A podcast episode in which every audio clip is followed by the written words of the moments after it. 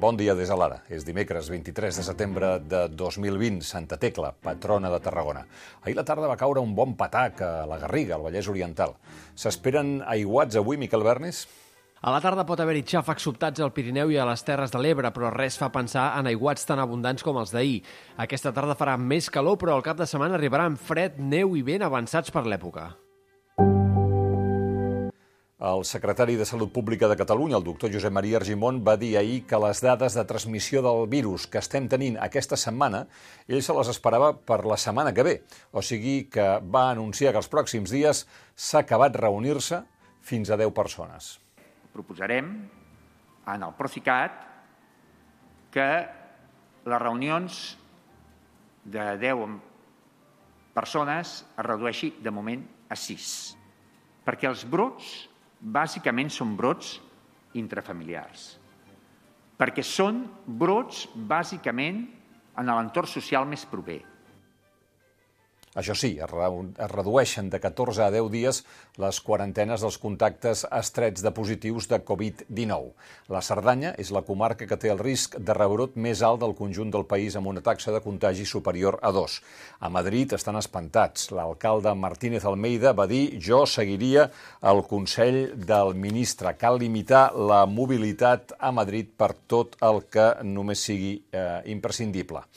I la vacuna per quan? Doncs el doctor Clotet va dir ahir que una vacuna fiable per frenar el Covid-19 encara trigarà dos anys a arribar i que les esperances han d'estar posades en l'aparició de nous tractaments que redueixin la mortalitat del virus i en la comercialització de tests ràpids per agilitzar el control dels positius. El doctor Clotet va dir que d'aquí a sis mesos ja hi haurà una teràpia que redueixi les morts als nivells de la grip. Una bona notícia. En concret, confia en la posada en marxa d'una pluripíndola que agrupi tres tipus de medicaments, antivirals, antiinflamatoris i anticoagulants. I parlant de la pandèmia, se'n recorden d'Albert Rivera, el que va ser líder de Ciutadans? Ahir va presentar les seves memòries. Parla de la necessitat d'arribar a pactes, naturalment a pactes entre el PP, PSOE i Ciutadans. I es pregunta en el llibre, es veu, si no seria possible una futura gestió de la pandèmia amb una gran coalició de PP, PSOE i Ciutadans liderada, per exemple, per Josep Borrell. El pare de l'exconseller de la presidència, Jordi Turull, va morir ahir després d'una greu malaltia. El dolor per la mort del pare s'hi afegeix al fet que Jordi Turull ho està passant des de la presó. El nostre condol pel conseller i la seva família. I aquest matí a les 10 el president Quim Torra està citat a declarar al Tribunal Superior de Justícia de Catalunya per no haver despenjat la pancarta dels presos polítics al setembre de l'any passat. A diferència de la primera causa, en què s'acusava Torra d'haver desobeït la Junta Electoral Central, aquest cop s'investiga si hauria desobeït unes mesures cautelars ordenades pel mateix tribunal que li reclamaven despenjar la pancarta momentàniament, encara que no fos període electoral. Torra, però, no la va treure fins que no va rebre un requeriment judicial i els Mossos van aparèixer al Palau. Mentrestant, hi ha la remor que abans que acabi la setmana, per tant, en 48 hores com a molt, el Suprem comunicarà si inhabilita o no el president.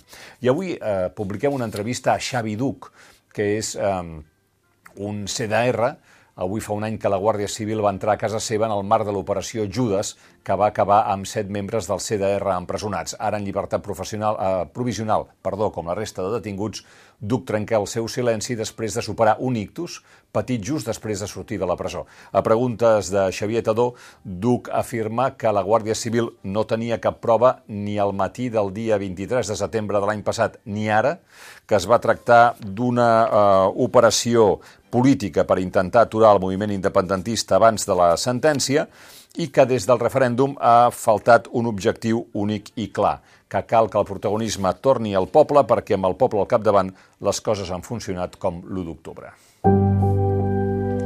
Ahir a les Balears van tenir un rècord, van arribar-hi 13 pasteres amb 204 ocupants. Els primers migrants interceptats a la matinada ja van avisar que havien sortit moltes embarcacions d'Algèria i van explicar que no anaven a les Balears, sinó a Barcelona i Alacant com a escala per anar finalment a França.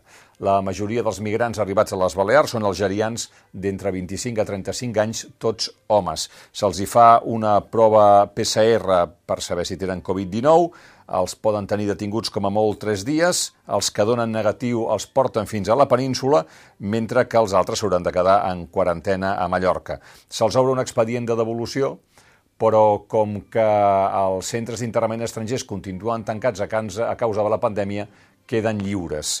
déu nhi les Balears aquest any sumen des de principi d'aquest 2020 un total de 610 migrants que hi han arribat eh, per via marítima. Nova llei de teletreball. Els empleats i l'empresa tindran tres mesos, un cop entri en vigor la normativa, és a dir, d'aquí al Nadal, per pactar un acord sobre com serà el teletreball. La llei també preveu la firma d'un acord per escrit entre treballador i empresa. Aquí trobareu els eh, detalls més importants del que diu la llei, com ara, per exemple, que els empresaris hauran d'assumir o compensar les despeses de dotació i manteniment de mitjans o equips, ja siguin ordinadors o relacionats amb l'ergonomia. El text aprovat, però, no inclou les despeses indirectes com ara l'electricitat. Això aniria a càrrec del treballador.